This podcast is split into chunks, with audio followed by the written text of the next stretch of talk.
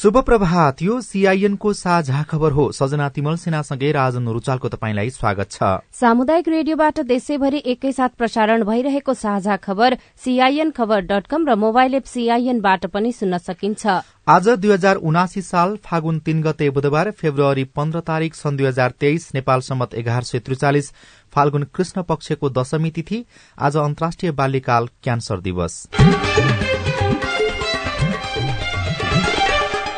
साझा खबरमा प्रमुख खबरका शीर्षकहरू। फौजदारी अभियोगमा सांसदलाई थुनामा पठाउँदा निलम्बन गर्ने वा नगर्ने भन्नेमा सांसदहरू बीचमै मत बाजियो। अघिल्लो संसदले टुंग्याउन नसकेको महाअभियोग पछिल्लो संसदमा लैजाने विषयमा पनि विवाद। नेपालले भारतसँग माग्यो थप छ सय एकासी मेगावाट विद्युत निर्यातको अनुमति। काठमाण्डु रक्सोल रेलमार्गको ढाँचाबारे छलफल हुँदै यातायात मजदूर र सरकारबीच सहमति। डिजिटल पेमेन्टका ग्राहक तीस प्रतिशतले बढ़े तर कारोबार भने घट्यो। किसान पेन्सन योजना आठ वर्षदेखि कागजमै सीमित। घर जग्गा कारोबार पनि न्यून भूकम्पबाट क्षतिग्रस्त सिरियामा सहायता पुर्याउन थप दुईवटा सिमाना खोल्ने सहमति। नाइजेरियामा भ्यागुते रोगको संक्रमणले चालिस जनाको मृत्यु। चिनिया प्रधानमन्त्री र इरानका राष्ट्रपति बीच भेटवार्ता। र त्रिकोणात्मक एक दिवसीय क्रिकेट श्रृंखलाको पहिलो खेलमा नेपालले नामिबियालाई दुई विकेटले हरायो।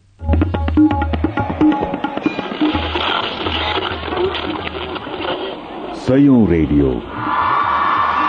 हजारौं रेडियो कर्मी। र करोड़ौं नेपालीको माझमा यो हो सामुदायिक सूचना नेटवर्क सीआईएन साझा खबरको सबैभन्दा शुरूमा फौजदारी अभियोगमा सांसदलाई थुनामा पठाउँदा निलम्बन गर्ने वा नगर्ने भन्नेमा सांसदहरू बीचमा बाजिएको मतको प्रसंग सांसदहरूले हत्या बलात्कार लागू औषध चोरी डकैती जस्ता फौजदारी अपराधमा मुद्दा चलेमा पनि आफ्नो पद निलम्बन नहुने नियमावली बनाउँदैछन्। फौजदारी मुद्दा लागेर पूर्वपक्षका लागि अदालतले थुनामा पठाएमा कर्मचारी निलम्बित हुन्छन् तर सांसदहरू भने आफैलाई विशेषाधिकार दिँदै अदालतले अन्तिम फैसला नगरेसम्म पद कायमै रहने गरी नियमावली बनाउँदैछन्। अघिल्लो प्रतिनिधि सभाको नियमावलीमा निलम्बनको प्रावधान नभएकै कारण यौन दुर्व्यवहार सम्बन्धी मुद्दा मामलामा जिल्ला अदालतले थुनामा पठाउँदा कृष्ण बहादुर महरा र हत्या अभियोगमा थुनामा पर्दा मोहम्मद आफ्ताब आलमको सांसद पद कायमै थियो। उनीहरूको सेवा सुविधा भने रोकिएको थियो। यसपालि पनि विगतकै अभ्यासलाई निरन्तरता दिन एमाले जनता समाजवादी पार्टी लोकतान्त्रिक समाजवादी पार्टी र स्वतन्त्र सांसद लागि परेका छन्। नागरिक उन्मुक्ति पार्टी पनि अन्तिम फैसलापछि मात्र पद निलम्बन हुनुपर्ने पक्षमा छ। कांग्रेस माओवादी राष्ट्रिय स्वतन्त्र पार्टी एकीकृत समाजवादी र नेमकिपाले जोड़ फौजदारी मुद्दामा अदालतले सांसदलाई पूर्वपक्षका लागि थुनामा पठाएपछि निलम्बन पर्नुपर्नेमा छ। तर शुक्रबारको बैठकमा एमाले संसदीय दलका उपनेता सुभाष चन्द्र नेमुवाङले सचिवालयको प्रस्तावमा निलम्बन भए सरहको व्यवस्था रहेको बताएपछि निलम्बन नै लेख्नुपर्ने पक्षमा रहेका सांसदहरू पनि मौन भएका थिए। मस्यौदा समितिका संयोजक राष्ट्रिय जनमोर्चाका चित्रबहादुर केसीले अन्तिम फैसला भएपछि मात्रै निलम्बन गर्नुपर्ने धारणा राख्नुभयो। जसपाका सांसद प्रदीप यादव पनि तराईमा सांसदलाई फसाउन विभिन्न उपाय अपनाइने भएकाले अदालतको फैसलाले दोषी ठहर गरेपछि मात्रै निलम्बन गर्नुपर्ने बताउनुहुन्छ। कांग्रेस सांसद दिलेन्द्र प्रसाद बडु भने प्रहरीले हिरासतमा लिएको बेला निलम्बन नगरे पनि अदालतले थुनामा पठाएपछि निलम्बन गर्नुपर्ने बताउनुहुन्छ। माओवादी प्रमुख सचेतक हितराज पाण्डेले जनता र सांसदलाई फरक कानूनी व्यवस्था गर्न नहुने बताउनुभयो। एमाले सांसद महेश वर्तौला पनि सोही लाइनमा हुनुहुन्छ। जब एउटा सांसद जो एउटा उच्च नैतिकता उच्च जवाफदेहिता प्रदर्शन गर्नुपर्छ कानून बनाउने निकायमा ऊ छ त्यस्तो व्यक्तिलाई नैतिक पतनदेखि नै फौजदारी मुद्दा लागेको छ। अदालतले पूर्वजमा जेल पनि पठाउने भनेको छ। अनि त्यस्तो व्यक्तिलाई पनि निलम्बन गर्न पाइँदैन भन्ने कुरा केही मानिसहरूले भन्नुभयो। त्यो कुरा गलत छ। कुनै पनि हालतमा निलम्बन गरिनुपर्छ। सम्पूर्ण सेवा सुविधा रोकिनुपर्छ। हामीले त्यो भनेका छौं। एउटा सांसदमा नटुंगिएको महाभियोग प्रस्ताव अर्को सांसदमा लैजाने कि नलैजाने भन्नेमा पनि सांसदहरूको बीचमा विवाद देखिएको छ।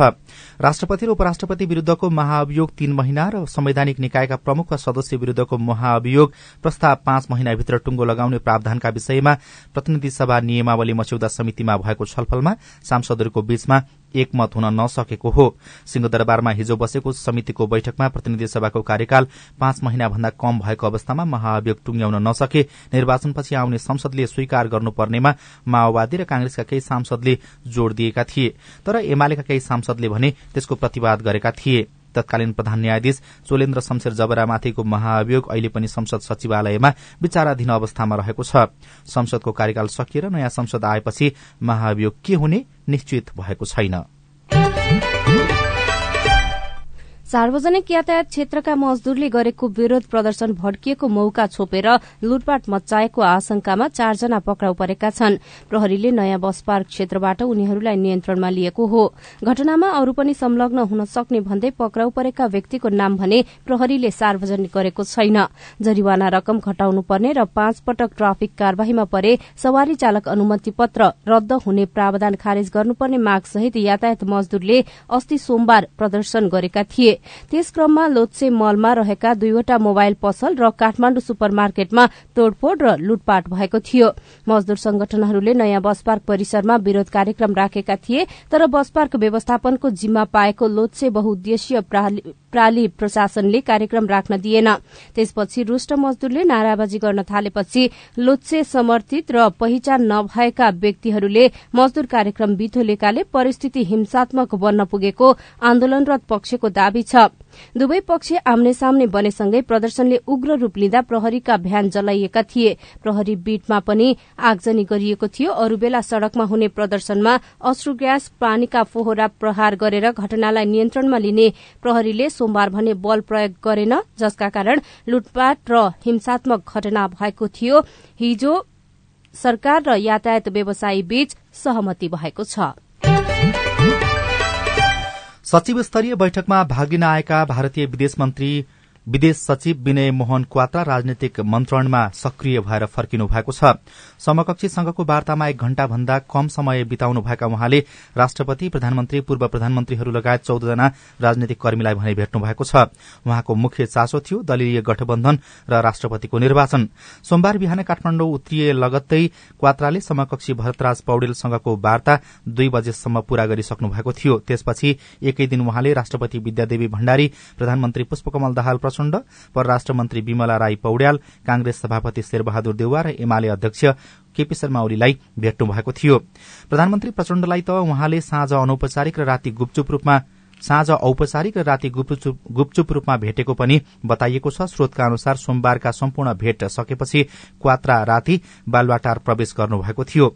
नेपालका लागि राजदूत समेत रहिसकेका क्वात्राले सत्ता गठबन्धनको भविष्य र नयाँ राष्ट्रपतिको निर्वाचनबारे छलफल गरेको बालुवाटार स्रोतले जनाएको छ।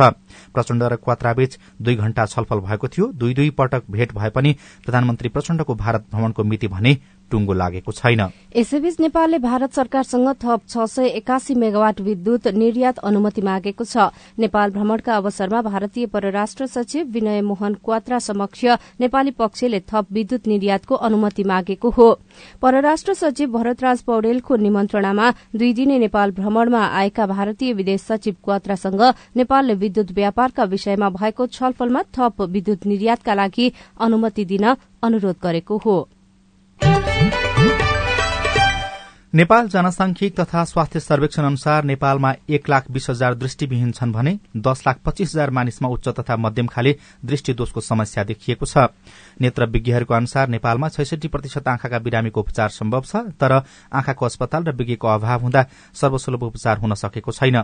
स्थानीय सरकारको पहलमा हुने स्वास्थ्य शिविरले पनि धेरै बिरामीलाई सहजता प्रदान गरेको छ।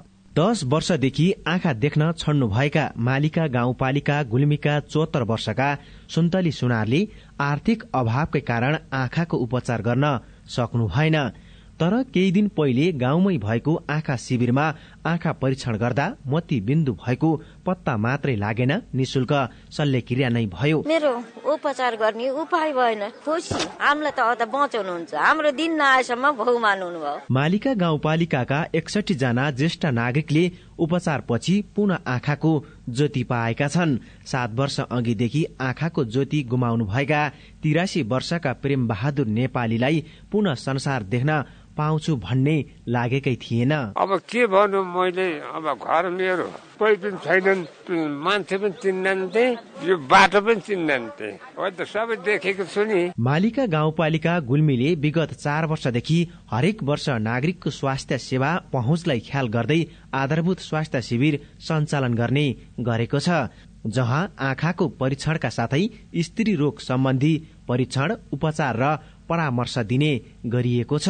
भौगोलिक रूपमा विकट गुल्मीका घर छेउमा नै विशेषज्ञ टोलीबाट उपचारसँगै परामर्श पाउँदा खुसी लागेको स्थानीय गीता गिरी बताउनुहुन्छ। ठिकै छ नरमाइलो छ भन्नुभयो। केही छ कि होइन चेक गर्नको लागि मात्र आएको। धेरै खुसी छ त्यस्तै शिविर फेरि फेरि आइरहोस् हाम्रो गाउँठाउँमा गत माघ सत्र गतेदेखि छब्बिस गतेसम्म भएको स्वास्थ्य शिविरमा मालिका गाउँपालिकाका एक हजार छ सय बिरामीले सेवा लिएका छन् जसमा एक सय बाह्र जनामा मोतीबिन्दु पत्ता लागेको थियो। मोतीबिन्दु पत्ता लागेका मध्ये एकसठी जनाको निशुल्क शल्यक्रिया गरिएको छ। आगामी दिनमा यस्ता शिविरले निरन्तरता पाउने गाउँपालिकाका उपाध्यक्ष उपेन्द्र अर्याल बताउनुहुन्छ। विशेषज्ञ डाक्टरहरू बोलाएर चाहिँ हामीले एउटा मुटुको वृहत क्याम्प गर्नेछौँ। पैसाको अभावमा उपचार गर्न नसक्नेहरूलाई चाहिँ त्यसको जिम्मा चाहिँ सरकारले स्थानीय सरकारले लिनुपर्छ भन्ने चाहिँ जुन हाम्रो बुझाइ छ त्यसैलाई मध्यनजर गर्दै हामीले यी विभिन्न खालका चाहिँ स्वास्थ्यका कार्यक्रमहरू अगाडि बढाएका हौ। विज्ञका अनुसार नेपालमा हरेक वर्ष तीस प्रतिशत मानिसले आँखाको जाँच गराउनै पर्ने देखिन्छ। भौगोलिक विकटता र आर्थिक अभावले आँखाको उपचार गर्न नपाएका नागरिकलाई यस्ता शिविरले उपचारको पहुँचमा सहज भएको छ। डिबी खड्का सिआइएन सामुदायिक रेडियो स्काई गुल्मी।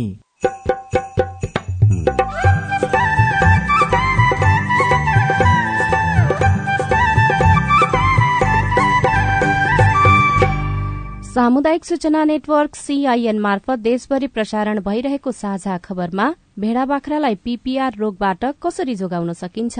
प्रत्येक वर्ष हामीले पीपीआरको राष्ट्रिय खोप कार्यक्रम सञ्चालन गर्छौं। तीन महिना उमेर पुगेका भेडा बाख्रालाई हामीले खोप लगायौं भने त्यसले तीन वर्षसम्म काम गर्छ। डिजिटल पेमेन्टका ग्राहक तीस प्रतिशतले बढ़े तर कारोबार भने घट्यो किसान पेन्सन योजना आठ वर्षदेखि कागजमै सीमित लगायतका खबर बाँकी नै छन्। सीआईएनको साझा खबर सुन्दै गर्नुहोला। जलवायु परिवर्तनले मानव जीवन र प्राकृतिक प्रणालीमा विश्वव्यापी प्रभाव पारेको छ।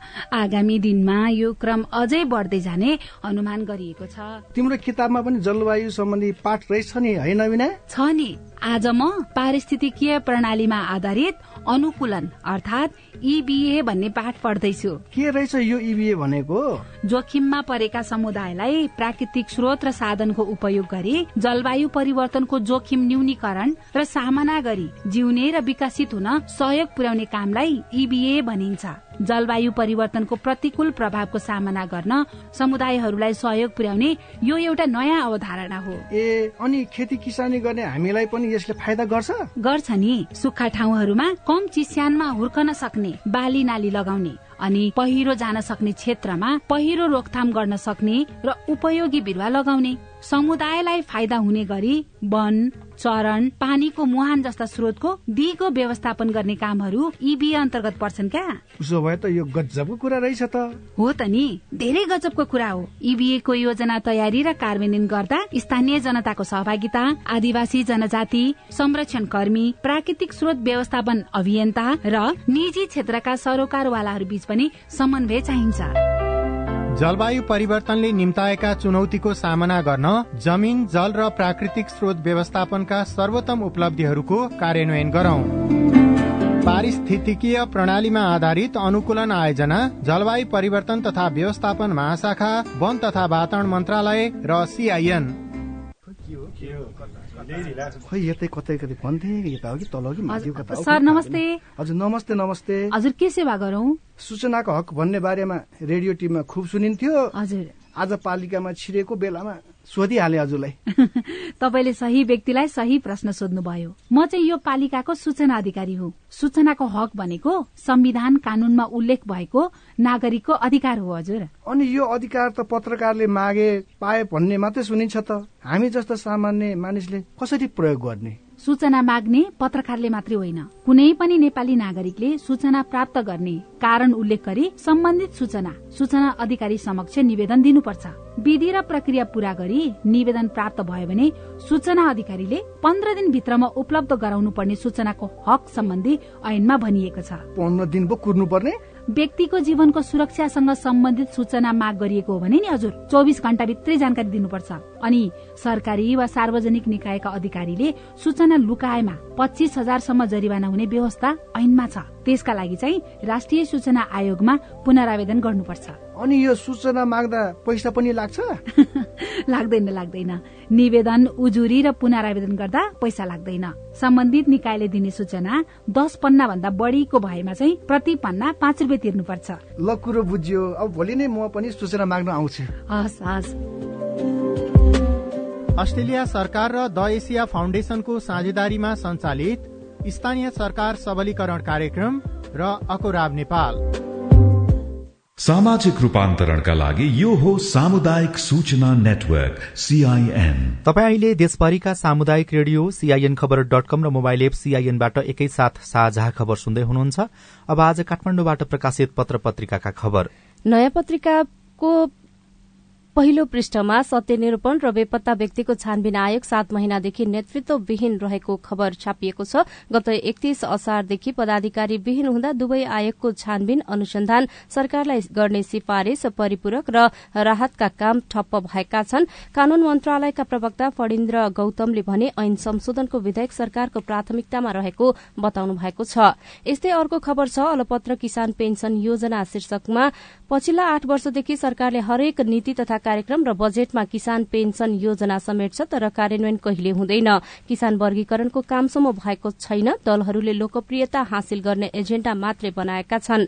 कृषि मन्त्रालयका प्रवक्ता प्रकाश कुमार सञ्जेल भने राय सुझाव सहितको मस्यौदा अर्थ मन्त्रालयमा पठाएको बताउनुहुन्छ।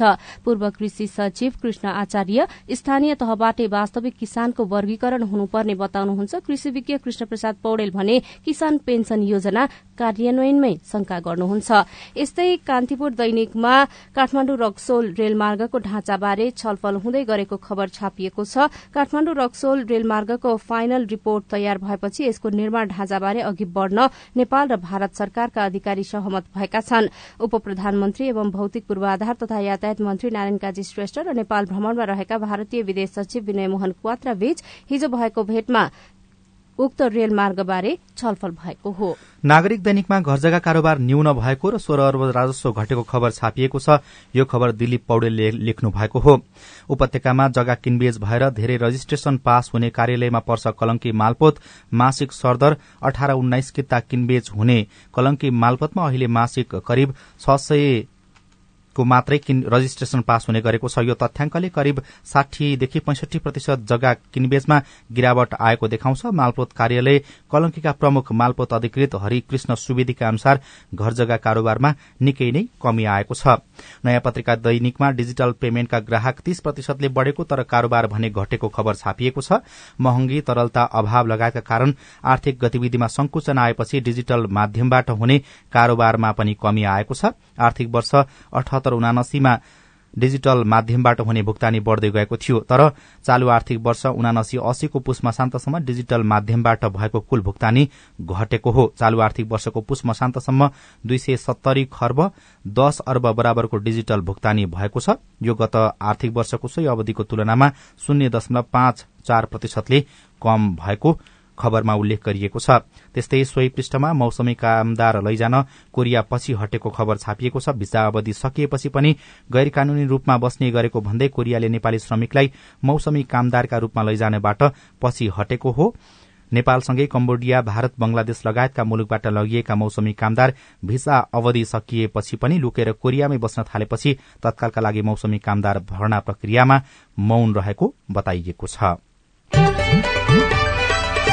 साझा खबरमा अब हेलो सीआईएन सुनिल राज भारतबाट।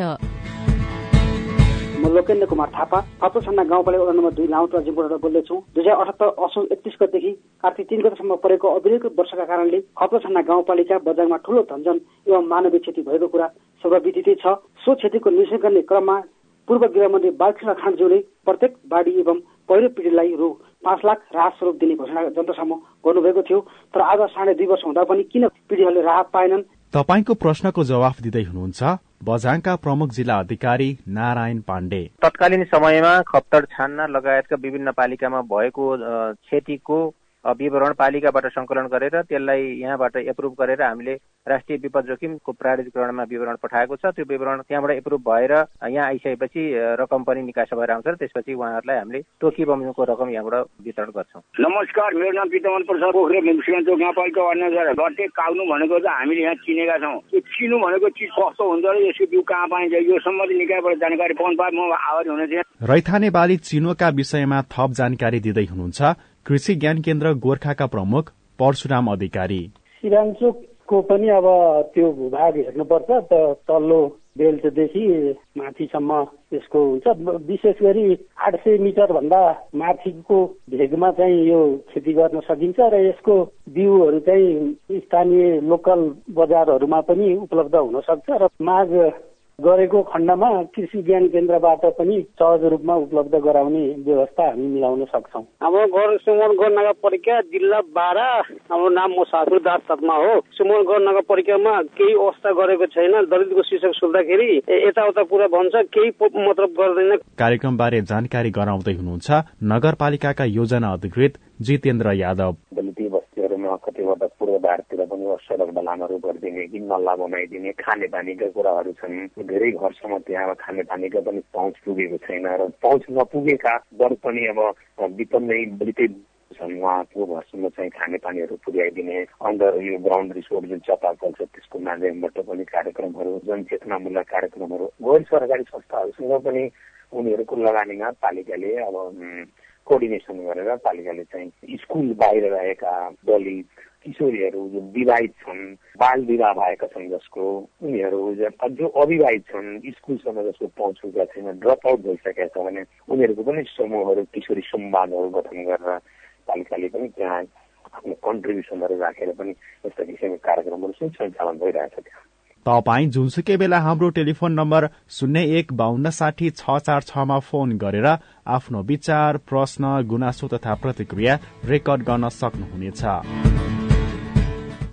साझा खबरमा अब विदेशका खबर। नाइजेरियामा भ्यागुते रोगको संक्रमणले चालिसजनाको मृत्यु भएको छ। साढे दुई महिना यता नाइजेरियाका विभिन्न चार राज्यमा संक्रमणबाट चालिसजनाको मृत्यु भएको र दुई सय सोह्र जनामा संक्रमण पुष्टि भएको स्वास्थ्य अधिकारीले बताएका छन्। महामारीको रूपमा फैलन सक्ने भन्दै प्रभावित क्षेत्रमा खोप अभियान शुरू गरिएको खबरमा उल्लेख गरिएको छ। सिरियाको सरकार भूकम्पबाट क्षतिग्रस्त देशलाई सहायता पुर्याउन थप दुईवटा सिमाना खोल्न सहमत भएको छ। संयुक्त राष्ट्रसंघका महासचिव एन्टोनियो गुटेरेसका प्रवक्ताले अहिलेसम्म एउटा मात्रै क्रसिङ प्रयोग गर्दै आएकोमा दुईवटा सीमा खोल्ने निर्णयले ठूलो प्रभाव बोक्ने बताएको बीबीसीले जनाएको छ। टर्की र सिरियाको सिमानामा अघिल्लो सोमबार गएको भूकम्पमा परेर दुवै देशमा अहिलेसम्म करिब चालिस हजार मानिसको मृत्यु भइसकेको छ र चिनिया प्रधानमन्त्री ली खस्याङ र इरानका राष्ट्रपति इब्राहिम रायसी बीच भेटवार्ता भएको छ। बेजिङ पुगेका इरानी राष्ट्रपतिले चिनिया प्रधानमन्त्रीसँग भेटवार्ता गर्नुभएको हो। भेटका क्रममा दुई नेताबीच दुई देशको प्राचीन सभ्यता र आफ्ना जनताबीच मैत्रीपूर्ण भावना र विचार आदान प्रदानको लामो इतिहासका विषयमा छलफल भएको थियो। साझा खबरमा अब खेल खबर। नेपालले आइसिसी पुरूष विश्वकप लीग दुई त्रिकोणात्मक एक दिवसीय श्रृंखलामा नामिबियामाथि दुई विकेटको ऐतिहासिक जीत हात पारेको छ। नामिबियामाथि प्राप्त जीत नेपालको अहिलेसम्म आफ्नो एक दिवसीय क्रिकेट इतिहासमा सर्वाधिक ठूलो लक्ष्य पछ्याएको हो। त्रिभुवन अन्तर्राष्ट्रिय क्रिकेट मैदानमा नामिबियाले पहिले ब्याटिङ गरी सबै विकेट गुमाएर दुई सय पचासी रनको विशाल योगफल खड़ा गरेको थियो। नेपालले सड़चालिस दशमलव चार ओभरमा आठ विकेटको क्षतिमा जीत निकाल्न सफल भयो। र चौधौं संस्करणको पुरूष साफ च्याम्पियनशीप फुटबल प्रतियोगिता भारतमा आयोजना हुने भएको छ। दक्षिण एसियाली फुटबल महासंघ साफले साफको हिजो बसेको कार्यकारी समितिको बैठकले साफ च्याम्पियनशीप दुई हजार तेइस भारतमा गर्ने निर्णय गरेको हो। खोप लगाए भेडा बाख्रालाई पीपीआर रोगबाट जोगाउन सकिन्छ। रेडियो कुराकानी अरू खबर र कार्टुन पनि बाँकी नै छ। सीआईएनको साझा खबर सुन्दै गर्नुहोला। ज्ञान सिप र शिक्षाका कुरा। विनाश विकास र व्यवस्थापनका कुरा। शक्ति सभ्यता र संस्कृतिका कुरा। सुनको सिरानी च्यापेर नुनको चिन्ता गरिरहेको कर्णालीको समृद्धिका कुरा। राष्ट्रिय वाणिज्य बैंक कर्णाली उत्सव कुडा कर्णालीका। चौथो संस्करण दुई हजार उनासी। यही फागुन पाँच छ र सात गते। कर्णाली प्रदेशको राजधानी सुर्खेतको वीरेन्द्रनगर स्थित बुलबुले उद्यानमा राष्ट्रिय वाणिज्य बैंक कर्णाली उत्सव कुडा कर्णालीका। प्रत्यक्ष प्रसारण सामुदायिक सूचना network CIN Setopati dot com र एनएनटिभी बाल विवाह विरुद्ध धर्मगुरुहरूको प्रतिबद्धता। वैदिक साहित्यमा बाल विवाह छैन। बाल विवाह हाम्रो मण्डली अन्तर्गत भएको छैन। हाम्रोमा बाल विवाह हुँदैन। यो मुद्दुमले भनेको कुरा हो र हाम्रो व्यवहारमा त्यस्तो नै छ। राधामिस गीता बाइबल कुरान वेद लगायतका सबै धर्मका ग्रन्थहरूले बाल विवाह गर्नुहुन्न भनेको भनेर धर्मगुरुले रेडियोबाट भनेको सधैँ सुन्ने गरिन्छ। तर किन बाल विवाह अन्त्य नभएको होला? हाम्रो नगरलाई बाल विवाह मुक्त गराउन अब के गर्ने होला? त्यो त हो नगर प्रमुख ज्यू भनेर मात्रै पुग्दैन। सबै धर्मका धर्मगुरुहरूले म बाल विवाह गराउने काममा संलग्न हुन्न भनेर प्रतिबद्धता जनाउने र अरूलाई पनि त्यस्तै सिकाउने कार्य गर्न सके मात्रै त्यो कार्य प्रभावकारी हुन्छ। अनि बाल विवाह विरूद्ध काम गर्ने संघ संस्थाहरू र तपाईँहरू जस्ता स्थानीय सरकारले पनि धर्मगुरू र धार्मिक अगुवाहरूलाई यो अभियानमा सँगसँगै सहभागी गराएर अघि बढ़ाउन सके। बाल विवाह लगायतका हानिकारक परम्परागत अभ्यास अन्त्य गर्न सकिन्छ। हुन्छ राधा मिस म त्यसै गर्छु। ओल्ड भिजन इन्टरनेसनल नेपाल र अकुराब। सामाजिक रूपान्तरणका लागि यो हो सामुदायिक सूचना नेटवर्क सीआईएन साझा खबरमा अब पीपीआर रोगबाट भेडा बाख्रा जोगाउने उपायको कुरा।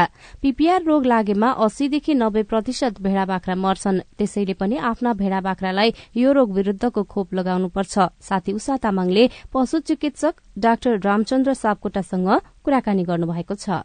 पिपिआर भनेको चाहिँ भेडा बाख्रामा विषाणुबाट लाग्ने एउटा महामारी जन्ने रोग हो। अत्यन्त संक्रामक र एकदम छिटो छिटो सर्ने खालको रोग हो। अरू गाई भैँसी त्यस्तोमा चाहिँ लाग्दैन। यसको ठ्याक्कै यही सिजन भन्ने त्यस्तो चाहिँ हुँदैन। विशेष गरी अब दसैँको आसपासमा धेरै भेडा बाख्राको चाहिँ ओहोरदोहोर हुने त्यस्तो सिजनमा समयमा अलिक बढी देखिन सक्छ। तर यही सिजनमा धेरै देखिने भने त्यस्तो चाहिँ छैन किन? विभिन्न महिनामा देखिरहेको अवस्था हुन्छ नेपालमा। जसले भेडा बाख्रा व्यावसायिक रूपमा पाल्नुहुन्छ उहाँहरूले चाहिँ पिपिआरको भ्याक्सिन अथवा खोप लगाउनु पर्यो भने कुन समयमा लगाउँदा उपयुक्त हुन्छ र त्यो खोपको समय कति समयसम्म चल्छ?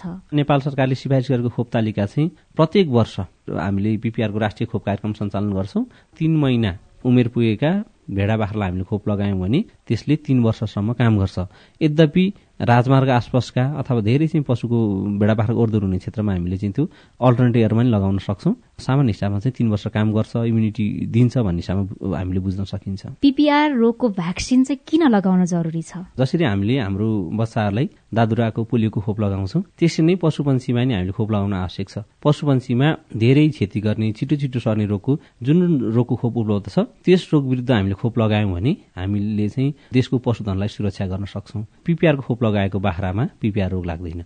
यसरी बुझेर चाहिँ हामीले पशुपन्छीमा उपलब्ध खोपहरू लगाउन आवश्यक छ। कसरी थाहा हुन्छ मेरो बाख्रालाई अथवा मेरो गोठमा चाहिँ पिपिआर रोगको प्रवेश भएछ भनेर? पिपिआरको पहिचान गर्नु एकदमै सजिलो छ। एक्कासी छोटो समयमा धेरै भेडा बाख्राहरू बिरामी परे उच्च ज्वरो आयो पखाला लाग्ने निमोनियाको लक्षण देखिने नाकबाट चाहिँ सिगान आउने आँखामा कचेरा लाग्ने डायरिया हुने र उच्च ज्वरो आउने र बाख्राहरूको मृत्यु पनि हुने यो चाहिँ पिपिआरको लक्षण हो। यसमा ज्वरो पनि आउँछ निमोनियाको लक्षण पनि देखिन्छ र डायरिया पनि हुन्छ। किसानले चिन्न सक्ने साइनहरू यिनीहरू हुन् र नजिकको चाहिँ हामीले भेटनेरी अस्पतालमा लगायौँ भने त्यहाँ चाहिँ पिपिआरको प्रयोगशाला निदान पनि गर्न सकिन्छ। योबाट बच्नको लागि चाहिँ एउटा त खोप लगाउनु पर्ने कुरा भयो। अर्को चाहिँ के हुन सक्छ रोग लागिसकेपछि पिपिआरबाट चाहिँ असीदेखि सय प्रतिशत नै भेडा बाख्राको मृत्यु हुन्छ।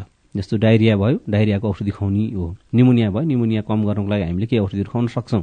यद्यपि त्यसले चाहिँ लक्षणलाई कम गर्ने र थोरै राहत दिने काम मात्रै यसले पुरै ठिक हुन्छ भन्ने छैन। कोभिडको बेलामा ठ्याक्कै उपचार त थिएन नि त। त्यस्तै जुन लक्षण देखिन्छ त्यो लक्षणमा आधारित भएर हामीले उपचार गर्दा केही भेडा बाख्राहरू बाँच्न सक्छन्। गाउँमा अथवा छिमेकीकोमा पिपिआर रोगको लक्षण देखिसकेका छ भने चाहिँ हामीले त्यो फार्ममा त्यो घरमा अथवा त्यो घरको बाख्रासँग हाम्रो भेडा बाख्राको लसपस गराउनु भएन चरणमा लानु भएन त्यो घरको बाख्राहरूसँग चाहिँ हाम्रो बाख्रालाई कसरी हुन्छ टाढा राख्नु पर्यो। हामीले लाउने जुत्ता चप्पलबाट रोग आउन सक्छ अनि बाख्राकै ओरदोरबाट आउन सक्छ जुठो भाँडाकुँडाबाट चाहिँ रोग सर्न सक्छ त्यो कुरामा हामीले सावधानी अप्नाउन आवश्यक छ। एउटा किसानको गोठमा भएको एउटा बाख्रालाई पिपिआर लाग्यो होइन?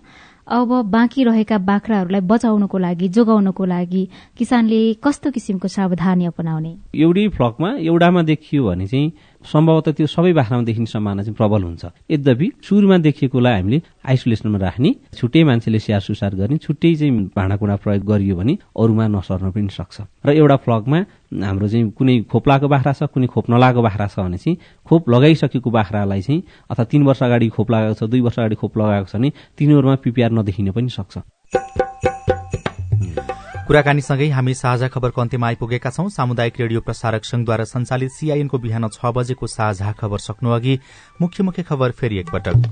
फौजदारी अभियोगमा सांसदलाई थुनामा पठाउँदा निलम्बन गर्ने वा नगर्ने भन्नेमा सांसदहरू बीचमै मत बाझियो। अघिल्लो संसदले टुंग्याउन नसकेको महाअभियोग पछिल्लो संसदमा लैजाने विषयमा पनि विवाद। नेपालले भारतसँग माग्यो थप छ सय एकासी मेगावट विद्युत निर्यातको अनुमति काठमाडौँ रक्सोल रेलमार्गको ढाँचाबारे छलफल हुँदै डिजिटल पेमेन्टका ग्राहक तीस प्रतिशतले बढ़े तर कारोबार भने घट्यो। किसान पेन्सन योजना आठ वर्षदेखि कागजमै सीमित। भूकम्पबाट क्षतिग्रस्त सिरियामा सहायता पुर्याउन थप दुईवटा सिमाना खोल्ने सहमति। नाइजेरियामा भ्यागुते रोगको संक्रमणले चालिस जनाको मृत्यु।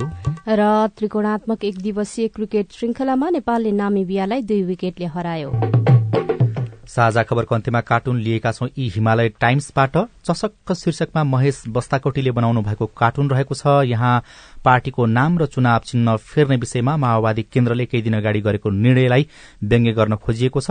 खास गरी पार्टीको नाम फेरिरहन्छ तर पार्टीको नेतृत्व भने कहिले पनि फेरिँदैन। त्यही कुरालाई व्यङ्ग्य गर्दै यहाँ प्रचण्ड जस्ता एकजना व्यक्ति देखाइएको छ र अर्का एकजना कार्यकर्ता जस्ता देखिने व्यक्ति छन् जो एउटा कागजमा पार्टीको नाम लेखेर केही सोधिरहेका छन्। अनि पार्टी अध्यक्षको जवाब चाहिँ यस्तो छ। मने पार्टीको नाम चुनाव चिन्हमा डट डट डट राख बेला बेलामा फेरिराख्न पर्छ। बरु पार्टी अध्यक्षको नाम चाहिँ लेखिराख त्यो सधैँ एउटै राख्न पर्छ। हवस् त प्राविधिक साथी सुभाष पन्तलाई धन्यवाद। अहिलेलाई राजन रुचाल र सजना तिमल सिन्हा विदा भयौं। तपाईँको आजको दिन शुभ होस्। नमस्कार। यसपछि देशभरिका सामुदायिक रेडियोबाट कार्यक्रम हाम्रो पालिका प्रसारण हुनेछ। सुन्ने प्रयास गर्नुहोला।